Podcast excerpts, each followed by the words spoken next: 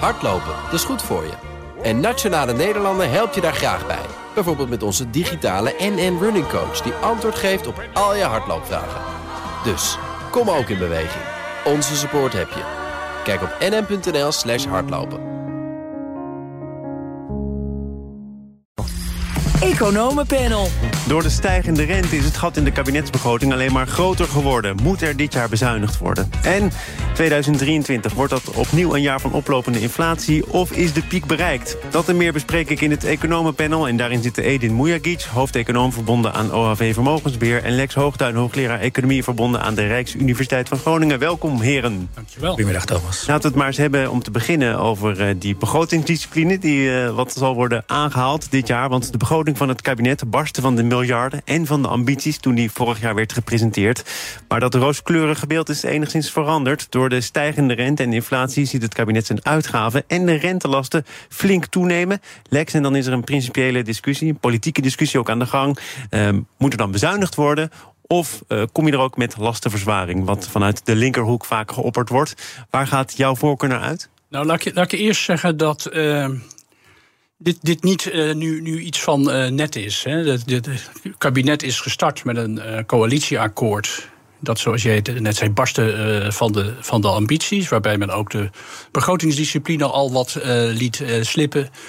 men deed eigenlijk een aantal dingen tegelijk die niet tegelijk kunnen. En dat zou men dan in de voorjaarsnota vorig jaar uh, oplossen. Nou, daar is niets van uh, terechtgekomen. Er is alleen maar meer problematiek bijgekomen. Het energieplafond, meer voor defensieuitgaven. Uh, nou, zat toen al aan te komen dat de rente mogelijk omhoog zou gaan. En daar, daar zitten we nu. En um, het probleem is dat dit, dit kabinet moet de ECB ondersteunen bij het beleid gericht op het herstellen van prijsstabiliteit.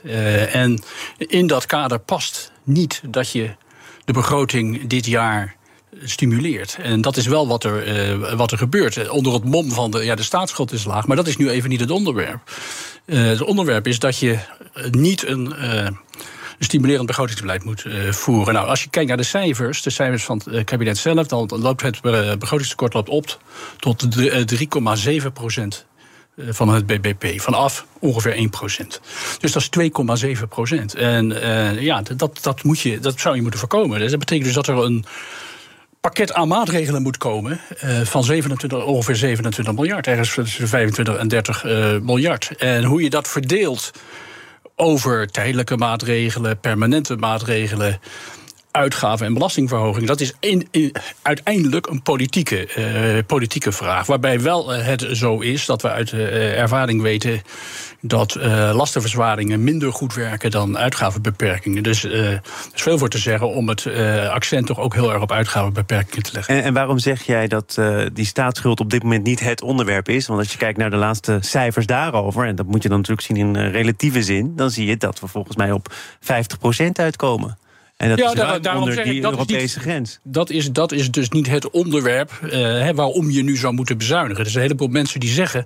ja, maar heb je het over met bezuinigen... want de staatsschuld is nog maar 50 procent. Dan zeg ik, ja, die staatsschuld is maar 50, 50 procent. Maar er zijn andere dingen die ook uh, een rol spelen in begrotingsbeleid. Dat is namelijk in dit geval van... ben je aan het stimuleren op het moment dat het urgent is... Uh, dat, je, dat je dat niet doet. En ook, uh, er is nog een andere norm die zegt dat je tekort niet boven de 3% mag, uh, mag liggen. En daar moet je ook uh, rekening mee houden. Er is ook een norm in Europa, dat is allemaal opgeschort, maar die zijn er wel. Dat je zegt dat je je structurele tekort voor een land als Nederland met een schuld onder de 60% terug moet brengen tot ongeveer tot 1%. BBP. Nou, die dingen die wijzen allemaal een andere kant op. Waarbij voor mij het belangrijkste is dat dit niet het moment is om gaan uh, stimuleren. Nee. Uh, Lex zegt heel duidelijk, uh, Edin, het is een politieke keuze of je kiest voor lastenverzwaring of voor bezuinigen. Maar we weten vanuit het verleden wel dat je meer bereikt door goed op te letten waar je geld aan uitgeeft. En bijvoorbeeld ook wat minder geld uitgeeft. Is dat onvermijdelijk in 2023? Ik heb het hier ehm, ook eerder gezegd, Thomas. Als je kijkt hoeveel beslag onze overheid legt op het Nederlandse BBP. Als je daar gewoon eens een keer goed naar gaat kijken. dan kan het niet zo zijn dat er geen omvangrijke uitgaven zijn. Uh, die je kunt schrappen. zonder dat het land meteen heel slechte wegen krijgt. of dat de uh, agenten geen loon krijgen, wat dan ook.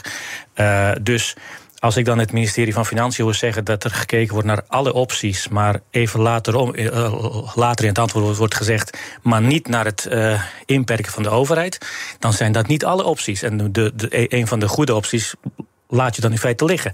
Nog even aansluitend op dat begrotingstekort van 3,7 procent. Het is natuurlijk elk jaar onzeker of het ook 3,7 wordt in dit geval. Maar dit jaar hebben we te maken met twee uitzonderlijke dingen. We hebben twee uitgaven waarvan wij eigenlijk de hoogte niet van weten. Wat kost het prijsplafond? Weet je niet. En er zijn maar schattingen uh, over hoe, uh, hoeveel hoger onze rentelasten gaan worden. Maar hoe, hoe exact hoger ze zijn, dat hangt van de ontwikkeling van de rente af. En we hebben het daar over miljarden. Dus juist in die omgeving met twee uh, uitgaven waarvan er geen limiet in principe lijkt te bestaan, zou je wat extra voorzichtig moeten zijn en niet wat extra ruimhartig met het eh, strooien van miljarden. Ik snap dat dit uh, te makkelijk uh, achteraf oordelen is, maar is het kabinet ook niet te gemakkelijk ervan uitgegaan dat die rente wel laag zou blijven? Want ik geloof dat het uh, coalitieakkoord uitgaat van een rentestand van nul. Ja, dat. dat ik bedoel, als je, als, je, als je op het ministerie van Financiën zit en je kijkt naar rente van 0% en je houdt er geen rekening mee dat dat abnormaal is, dan ben je gewoon onverantwoord bezig. Had je dat toen uh, heel anders in het spel gezeten, had je gezegd: dit is abnormaal. We gaan uiteindelijk naar de wat normale rente, uh, rentestanden. Dan had je waarschijnlijk in die, die tijd, in die omgeving, die zeer lage rente voor een langere tijd vastgelegd. En had je nu de stijging van de rentelasten, die was er nog steeds geweest, maar veel minder. En had je wat meer geld over om te kunnen spelen onder aanhalingstekens. In, in, in, mijn ogen is het onverantwoord geweest om aan te nemen dat de rente van nul, rente nul voor, uh, uh, als 0% altijd zal blijven. Is, is daar al misgegaan bij de uitgang? Nou, dat is een van de dingen waar het mis is uh, gegaan. Inderdaad, de gedachte dat zowel de inflatie eigenlijk een, een, probleem uit het verleden was, als dat de rente altijd laag zou zijn, was een brede opvatting waar ook de Nederlandse overheid door is aangestoken. Maar ook de ECB uh, zelf, waardoor de ECB ook fouten, uh, fouten heeft gemaakt. En uh, ja, je moet. In begrotingsnormering moet je nooit, vind ik, uitgaan van één, maar één scenario. Je moet altijd rekening kunnen houden met de dingen die zich kunnen voordoen. Ook als ze niet zo heel waarschijnlijk uh, zijn. Nou, hier was het zelfs waarschijnlijk dat het zich uh, zou gaan voordoen. Want de inflatie was al aan het oplopen. Op het moment dat het coalitieakkoord er uh, was, dat al op 6, 7 procent. Ja, als ik me goed zegt. Dus ja, dat is echt een Maar die, geweest. die Nederlandse overheid die heeft van alles bedacht. En die heeft plannen geformuleerd. Maar het is ook al jaren zo volgens mij dat ze niet de mankracht hebben. Op de capaciteit hebben om al die plannen ook daadwerkelijk uit te voeren. Onder uitputting. Dus dat is dan toch nog weer een, een meevaller. Ja, maar dat is natuurlijk een hele rare meevaller. Kijk, de, de, je, hebt, je hebt gelijk, hè, maar het, het, het feit dat je een, uh, ja, een akkoord opzet waarvan je van tevoren kon weten en uh, ook wist dat het niet uitvoerbaar was, dat al die doelen niet tegelijk te halen uh, zouden zijn, zowel voor klimaat als voor stikstof, als koopkrachtbehoud, als woningbouw, noem alle dingen maar, maar op. Dat was op het moment dat het akkoord kwam, was duidelijk dat dat niet kon uh, tegelijk, tegelijkertijd.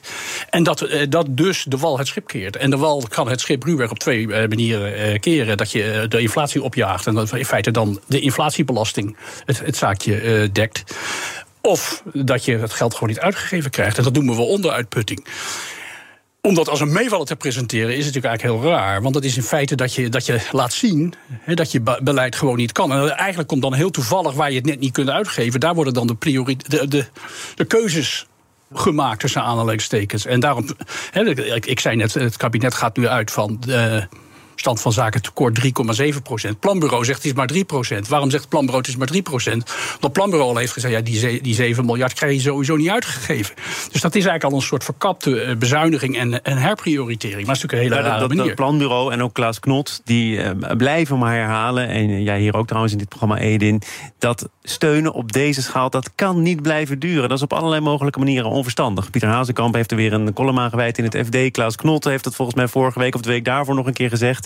Waarom hebben ook deze mensen kennelijk zo weinig gewicht in de schaal te leggen... dat dat ook politiek gezien tot andere keuzes leidt? Nou ja, um, ik ben maar een simpele macro-econoom... dus ik weet niet wat voor gevoel uh, er leeft als je... Uh, als je op zo'n ministerie zit of in de regering zit. Maar ik kan me wel voorstellen, als politicus is het natuurlijk altijd makkelijker om geld uit te geven.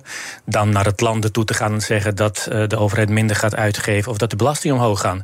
Uh, blijkbaar is dat de verleiding die ook de huidige generatie van politici in Nederland uh, niet heeft kunnen maar, bestaan. Maar ook, ook de minister van Financiën heeft nu al wel een paar keer gezegd: niet alles kan overal. Hè. Dat zijn volgens mij de woorden van Remkes, maar wel het houdt een keer op.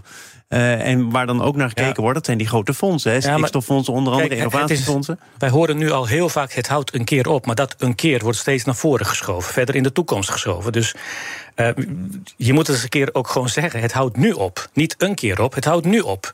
En uh, ja, het is waar dat onze staatsschuld zeer laag is. Dat is goed nieuws. Dat doe je voor slechte jaren, als het straks nodig is. Dat hebben we twee jaar geleden ook gedaan. Um, maar op, zul, op deze schaal de economie blijven stimuleren terwijl het heel vaak niet hoeft. Ja, dat, dat, dat is A, nee, zonde van het geld. Maar als je nu zegt uh, het moet nu stoppen op dit moment, dan weet je dat er bedrijven in de problemen nee, kunnen komen, dat er mensen in de problemen kunnen komen en dat maakt het politiek gezien waarschijnlijk Tuurlijk, maar niemand zegt, inclusief mezelf niet, van je moet nu stoppen, maar je moet nu wel oh, aangeven oh, wanneer het gaat stoppen. Kijk, mensen moeten het wel uh, weten. Lex is zover. Eindelijk zijn we het ergens uh, niet over eens. Maar het, het zou al grote winst zijn als je als regering nu zou zeggen. Uh, over enige tijd, een half jaar, negen maanden voor mijn part. Maar dan gaat het stoppen. Zodat ook die bedrijven en, en wij met z'n allen ons daarop kunnen voorbereiden. En als je maar uh, blijft roepen, een keer gaat het stoppen. Het kan niet zoveel langer doorgaan, maar er gebeurt niks. Ja, dan gaat het maar door en gaat het maar door. Lex? Ja, nee, dat vind ik. Uh, hier zijn we het inderdaad dan niet helemaal over, uh, eens. Ik vind dat dat nu uh, zou moeten gebeuren. Hè. Ik denk dat er nu een pakket zou moeten komen, wat ik straks aangaf. Van, dat echt ervoor zorgt dat je geen begrotingsimpuls geeft dit jaar. Ja, en dat, dat zal natuurlijk zijn weerslag ook op de, op de economie hebben. Maar het is denk ik een illusie te denken dat je herstel van prijsstabiliteit kunt, kunt krijgen zonder dat dat ergens iemand iets uh, kost of dat iemand er iets van merkt. We moeten ons realiseren, Nederland heeft schatting van de Nederlandse bank. Ik kan dat niet uh, precies beoordelen, maar Nederland heeft een overbesteding van 3% op dit moment. B, uh, BBP. Dus we geven 3% meer uit dan we, dan we aan mensen hebben om dat te, te, regelen. Alles draait op volle toeren en, en, en, meer dan dat. Als ik dan kijk naar de, de raming van de Nederlandse bank voor de Nederlandse economie dan uh, ramen ze twee keer, twee keer 5% inflatie de komende twee jaar. Nou, dan val ik, uh, dan schrik, daar schrik ik van. Want dan betekent dus dat eigenlijk dat die inflatie op een heel hoog niveau blijft uh, hangen. Wat zit er dan voor groei ingebakken? Dan zit er het eerste jaar zit 0,8% in uit mijn hoofd en het tweede jaar 1,6%. Tweede jaar zit je dus, het is dan uh, 24, zitten we dan weer op trendgroei. Dat is ongeveer anderhalf procent. Dan hebben we het eerste jaar hebben we ongeveer drie kwart punt goed gemaakt hebben we ingelopen op de overbesteding. Hebben we nog steeds overbesteding. Hoe kun je dan op dat moment. Uh, ja, dat kan, niet, dat, dat kan en mag niet de uitkomst. Ik begrijp het niet. Je, je hoort van heel veel macro-economen dat de huidige inflatie niks tot weinig met het beleid van de ECB te maken heeft. Maar het komt doordat de vraag naar spullen veel groter is dan het aanbod. Nou, laten we aannemen dat het zo is. Uh, ik vind dat het ook komt door het ruime beleid van de ECB. Maar dat even ter zake. Uh, uh, terzijde als je redenering is dat de hoge inflatie in Nederland veroorzaakt wordt doordat we met z'n allen te veel dingen willen kopen dan wat er gemaakt kan worden, dan, dan is het beleid wat de regering nu voert. Uh, doet daar helemaal niks aan af. Uh, sterker nog, zorgt ervoor dat die inflatie nog veel langer veel te hoog zal blijven. En dat is gewoon onverantwoord beleid. We gaan naar deel 2 van dit panel, daar zal het ook gaan over inflatie. BNR Nieuwsradio. Zaken doen. Thomas van Zeil. Edin Mujagic en Lex Hoogduin zijn de leden van het economenpanel. En Edin, je zei het al, eh, ik, ik, wil niet al te diep nu induiken op die vraag... of de ECB verantwoordelijk is voor die opgelopen inflatie. Maar toch, dat is eh, niet iets wat je zomaar terzijde kunt leggen... want het is aanbod of vraag gedreven, toch? Ja, zeker. En als het, als het zo is dat de huidige inflatie vooral veroorzaakt wordt doordat de vraag veel groter is dan het aanbod. Ja, die vraag kan alleen maar structureel te hoog zijn, omdat er te veel geld in omloop is. Ja. Dus uiteindelijk komt het voor een groot deel, in mijn ogen voor een zeer groot deel, door het beleid van de ECB. Maar wordt de inflatie niet ook voor een ander heel groot deel bepaald door zoiets als de gasprijzen? En op het moment dat die weer enigszins normaliseren waar het nu op lijkt. Ja, ik denk dat er, ik denk dat er vier, vier oorzaken uh, zijn voor de inflatie waar die, uh, waar die nu staat. Dat is uh, één, natuurlijk de coronacrisis en de lockdowns en de, nasleep daarvan. Twee, het enorm stimulerende beleid gedurende de coronacrisis, waar ook lang mee door is gegaan, zowel van de overheden als van de ECB, die eigenlijk dan nog weer een schepje bovenop heeft gedaan, al heel lang aan het stimuleren was, maar dan nog een schepje bovenop heeft gedaan met het uh, PEPP, PEP-programma. het PEP-programma, waar nog eens bijna 2000 miljard extra obligaties uh, zijn gekocht. Uh, Dus dat, dat, is, uh, dat is een duidelijke vraagfactor. Die andere twee, he, daar zitten ook aanbodelementen in. En de laatste factor, die, die denk ik ook niet uh, moet onderschatten, is het, het klimaatbeleid dat gevoerd wordt. Waarbij we, om het heel kort door de bocht en een beetje plat te slaan, zeggen we te vroeg stoppen met investeren en te weinig investeren in fossiele brandstoffen en snel al denken over te kunnen gaan op hernieuwbaar, terwijl die capaciteit er nog niet is. Nou, dan krijg je uh, inzakkende zakkende aanbod en bij een gegeven vraag. Maar daar zijn we nu toch vrij hardhandig, hardnekkig mee geconfronteerd dat dat dus inderdaad niet ging? Uh, dat denk ik. Maar goed, het ging even over waar zitten de oorzaken. Dus ik denk, ik denk vraag en aanbod. Overigens, als je dan naar het beleid kijkt, dan is het, uh, doet het er eigenlijk niet zoveel toe voor wat je moet doen als ECB. De ECB kan alleen maar aan de vraagkant aanpakken. En de ECB is, is primair verantwoordelijk om ervoor te zorgen dat, dat, weer, dat, dat we prijsstabiliteit herstellen. Het enige vervelende van aanbodschokken is dat die. Uh, bij een vraagschok, als je dan gaat remmen, als de, vraag te groot is, dan, dan ben je zowel goed voor de reële economie, want je haalt die over, uh, overcapaciteit, uh, ondercapaciteit als het ware weg, als voor de inflatie. bij een aanbodschok is dat andersom. Dan, dan, als je de vraag terugdenkt, dan betekent dat tegelijkertijd dat je, dat je een, de inflatie. de inflatie terugdringt, maar ook de groei uh, terugdringt. Nou, dat is de situatie waar we, waar we voor een deel mee te maken, uh, maken hebben. Betekent dat dat je dan als ECB maar niks moet doen? Nee, helemaal niet. Het, normaal gesproken is het zo dat als jij als centrale bank uh, met je ogen op de bal zit, hè, als je in een situatie zit dat de rente zodanig is dat de kans dat je moet verhogen net zo groot is als dat je moet verlagen, dan kun je het altijd een beetje aanzien als er een aanbodschok is. Maar de ECB gaat deze, gaat deze situatie in van, van ineens oplopende inflatie ver achter de curve far uh, behind the curve. Uh, een rente van min een half ja. procent. Als je dan met een oplopende inflatie wordt geconfronteerd door vraag en aanbodfactoren.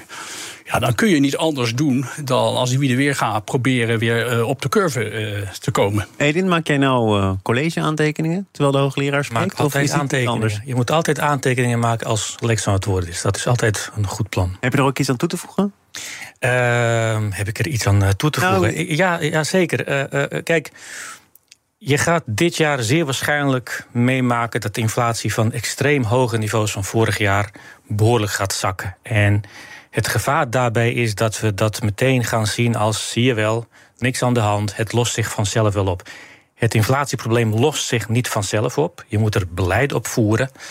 Um, inflatie gaat dit jaar inderdaad zakken, maar blijft nog steeds te hoog. Kijk naar de ramingen van de Nederlandse bank, kijk naar de raming van de ECB. Die zeggen allemaal ver boven de 2%. Dus uh, de verleiding dit jaar bestaat om te concluderen: er is niets aan de hand, het gaat de goede kant op.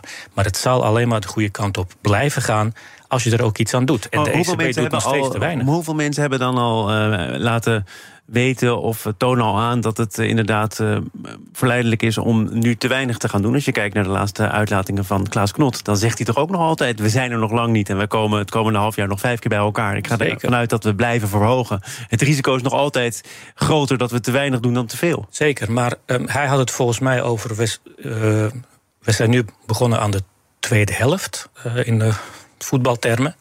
Oké, okay. je begint aan die tweede helft met een stand van 2% Als ik dan even voor het gemak aanneem dat uh, de tweede helft uh, inhoudt dat ze nog 1 of 1,5 procentpunt erbij doen, dan vind ik dat nog steeds aan de lage kant. Dus ze komen nog vijf keer bij elkaar. Dus jij verwacht niet dat het uh, alle vijfde keren raak zal zijn en dat ze de rente zullen verhogen? Um, ik, vraag mij, heel weinig. ik vraag mij oprecht af of die stoere woorden van heel veel centrale bankiers stand houden in een omgeving over een maand of zes, als die inflatie voldoende is gezakt, als uh, uh, economische groei grotendeels maar weg is. zou toch 2% zijn? Dat is toch de doelstelling van de ECB? Ja, maar dat moet structureel 2% zijn. En, en, en, en uh, je gaat niet naar, zomaar naar 2% inflatie. Niet met de rente van 2%. Oh, oh, in mijn optiek ook niet met de rente van 3%. Dat is nog steeds aan de lage kant om er redelijkerwijs uh, zeker van kunnen uh, zijn dat de inflatie ook in de jaren die voor ons liggen geen probleem zal zijn. Lex? Nou, kijk, de, even weer terug naar, naar uh, Klaas Notsen uh, uitspraken. We beginnen aan de tweede helft. Uh, nou, als de eerste en de tweede helft ongeveer symmetrisch zouden verlopen. In de eerste helft is de rente verhoogd van min half naar twee. Dan zou die in de dat is 2,5 punt. Als ik even goed uh, reken, dan zouden er nog 2,5 punten uh, bij moeten. Dus nou, er komt keer, heel veel blessuretijd bij uh, tegenwoordig. Vijf keer 50 basispunten plus blessuretijd misschien nog wat extra. Maar dan, dan zou je, als je zo rekent, maar zo precies zegt hij het natuurlijk niet. dan zou je op 4,5 zitten. Wat helemaal niet raar zou zijn. Dan zit je zo'n beetje op het renteniveau waar de vet nu, vet nu uh, zit. En die, die gaat waarschijnlijk zelfs nog wat omhoog. Dus, dus dat zou niet zo raar zijn. Maar wat mij uh, ja, bezorgd maakt, is eigenlijk... Hè, de, de, ECB heeft tot nu toe, het afgelopen jaar... heeft ze voortdurend, zij in afnemende mate, nog steeds gestimuleerd. is nog steeds geen, is, is, nog steeds niet aan te remmen. Dat moet nu gaan beginnen dit, dit jaar.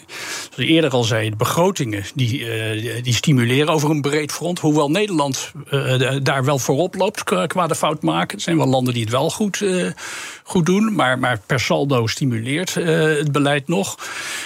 Dus ja, uh, de, de, toon van, van Klaas Knot is de juiste toon. Uh, en er zijn er nog wel een paar die een soortgelijke toon aanslaan. Uh, maar er zijn er ook die, die iedere gelegenheid aangrijpen om te zeggen dat het snel moet zijn afgelopen. Dan zeg ik het een beetje kort op de bocht misschien. Dus mijn, mijn zorg is: gaat dit, gaat dit wel gebeuren? Krijgen we niet een soort tussenjaar bijna, waarbij men de de rente onvoldoende verhoogt, de inflatie hoog blijft. En eigenlijk die, uh, men ook heel erg bezorgd is om de economie schade aan te doen. Want iedereen heeft het steeds maar over krijgen recessie. Hoe de recessie. Ja, George heeft dat gezegd hè, van het IMF, volgens mij uh, gisteren nog. Dat zij verwacht dat grote delen van de wereld geconfronteerd worden met de recessie. Kan ook bijna niet anders als Amerika het moeilijk krijgt, Europa het moeilijk krijgt en China aan de hand is wat er nu aan de hand is. Ja. Uh, maar dat moet je dus ook niet willen voorkomen. Nee, dat, je, je doel moet nu zijn, je hoogste prioriteit moet zijn herstellen van prijsstabiliteit. En dat gaat niet in één jaar. Dat eh, dat neemt sowieso een aantal jaren. Maar je moet nu geen jaren gaan verliezen met de zaak te laten hangen op, het, uh, op, op het, een veel te hoog, uh, veel te hoog niveau. En dan, dan heb, je, heb je straks een veel hardere rem nodig. En dan heb je een echt een, een, een harde recessie no uh, nodig. Nu moet, moet gewoon het, doel zijn, moet in voldoende tempo omlaag gaan. Ja, en of dat met een recessie gepaard gaat uh, of niet, dat, is, dat, dat, dat zie je dan wel. En als, je, als, als je doorschiet in je beleid, wat zomaar kan, ja, dan, ga, dan ga je wat eerder alweer de rente stabiliseren en verlagen.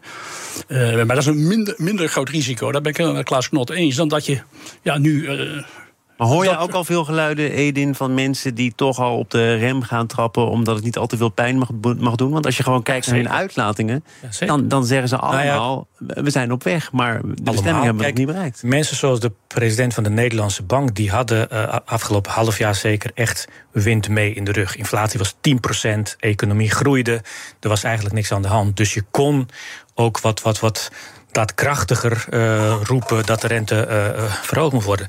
Wat ik daarnet al zei, ik vraag me af of dat stand houdt in het voorjaar van volgend jaar, als de inflatie gehalveerd is en men al heel snel tot de conclusie kan komen, zie je wel, gaat de goede kant op. En die recessie die afgelopen half jaar in het vooruitzicht was, dan ook een feit is. Dat, dat, ik, ik, ik denk dat er dan mensen die precies andere denkbeelden hebben dan de president van de Nederlandse Bank, die dus echt niet kunnen wachten om te stoppen met het verhogen van de rente, dat die dan wind maar is, is Lagarde dan iemand die slappe knieën zou kunnen krijgen? Ja, uh, ik denk de hele ECB-raad uiteindelijk. Kijk, want uh, een van de rare dingen in bijvoorbeeld het Klaas, Klaas Knotsen optreden was dat hij dus hele stoere taal, of hele goede taal, had aan het eind van de van het vorig, vorig jaar, maar wel stemde voor een beperking van de renteverhoging tot, tot een half procentpunt. Dat geeft aan dat er, dat er meningsverschillen in de, in de ECB-bestuursraad eh, zijn over het tempo en uiteindelijk ook waar je moet, moet uitkomen. En, wat, dan, wat is nou belangrijk dat je dat nog even zegt? Wat is nou belangrijker, het tempo of waar je uiteindelijk uitkomt? Nou ja, kijk, men probeert nu de vertraging in het tempo uh, te verdedigen, als het ware. Met, het is belangrijk waar je uiteindelijk uh, uitkomt. Ik denk dat het allebei, uh, allebei belangrijk is. En kijk, gegeven het feit dat je dit heel moeilijk kunt voorspellen, ook door de dingen die Edin zei, wat die gasprijzen precies gaan doen, niemand die het echt, echt kan weten. En je, kijk, je kan hele rare patronen in de inflatie gaan krijgen. Je kan heel fors gaan dalen, maar dan later weer aantrekken. En de onderliggende inflatie kan eerst hoog blijven, dan ook gaan dalen. Net op het moment dat gasprijzen weer stijgen hele rare patronen kun je, kun je krijgen. En als je dan toch al een voorkeur hebt om uh, ja, de rente laag te houden, dan, dan kun je. Dan kun je knap uh, slappe knietjes krijgen. En uh, op dit moment denk ik dat het. Kijk, waar, waarom is dat het idee van zo'n piekenrente? Dat is, dat is iets wat hebben we eigenlijk nog nooit gehoord in het monetair beleid. Dat, dat is helemaal iets wat niet bestond. Dat is nu geïntroduceerd. En waarom moest dat geïntroduceerd worden? Omdat al die centrale banken heel ver achter de curve waren. En uh, dat wilde inhalen en we moesten aangeven waar ze ongeveer heen wilde om enige guidance te geven. Maar het is een, het is een zwaktebod. Eh, normaal moet, je, moet het zo zijn dat je rente ongeveer op het niveau is dat de kans dat het omhoog gaat of omlaag gaat even groot is. En als je een bias hebt om hem te verhogen, dan zeg je daar risk to price, upward risk to price stability. Dat is hoe dat altijd in het verleden uh, werd, werd, uh, werd, werd, gedaan. En dat is nu. Uh, je kunt, ja, het is heroïs om nu vooruit te kijken. Dus ik, zou daar, ik zou daar heel voorzichtig mee. Thomas, het geldt ook hoe sneller je bent met renteverhoging, des te lager het niveau kan zijn waar je op moet komen. Business Booster. Hey ondernemer, KPN heeft nu Business Boosters. Deals die jouw bedrijf echt vooruit helpen. Zoals nu, zakelijk tv en internet, inclusief narrowcasting... de eerste 9 maanden voor maar 30 euro per maand. Beleef het EK samen met je klanten in de hoogste kwaliteit. Kijk op kpn.com businessbooster. Business Booster.